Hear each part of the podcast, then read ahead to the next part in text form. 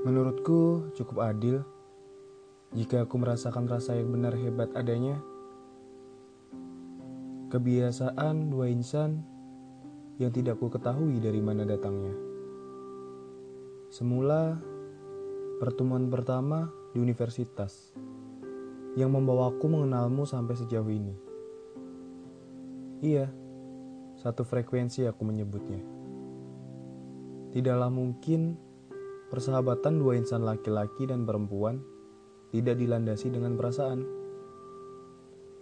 Dari perasaan baik yang tumbuh dan berkembang menjadi sayang dan takut akan kehilangan.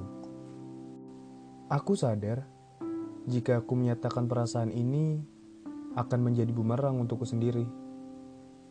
Namun, akan sampai kapan rasa ini kupendam sendiri?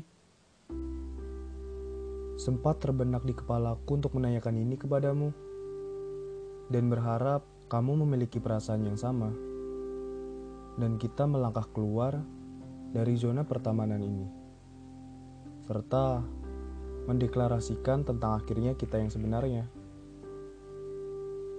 Itu hanya anganku yang tidak akan pernah terwujud, karena aku sadar satu langkah aku melangkah, dan itu salah akan ada akibat buruk untuk pertemananku saat ini. Karena aku tidak ingin menyesalinya di kemudian hari.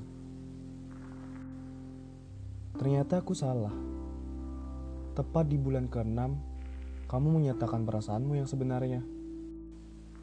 Aku senang karena aku juga merasakan hal itu. Dua minggu sudah aku berseri Membayangkan lucunya perjalanan ini. Dari teman jadi sahabat. Dan sekarang menjadi pacar.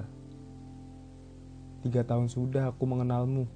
Dan baru-baru ini, aku bisa benar-benar menjagamu karena status kita yang baru. Setidaknya ada ikatan di antara kita yang lebih dari kata teman. Karena aku sudah bosan di zona pertemanan ini.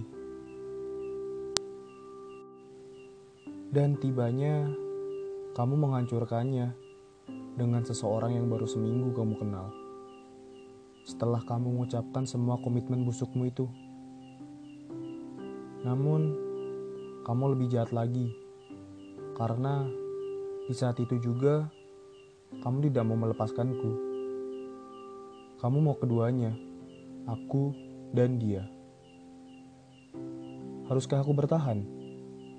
setelah kita sama-sama tahu perasaan kita. Walaupun akhirnya kamu membagi dua perasaanmu. Kamu jahat.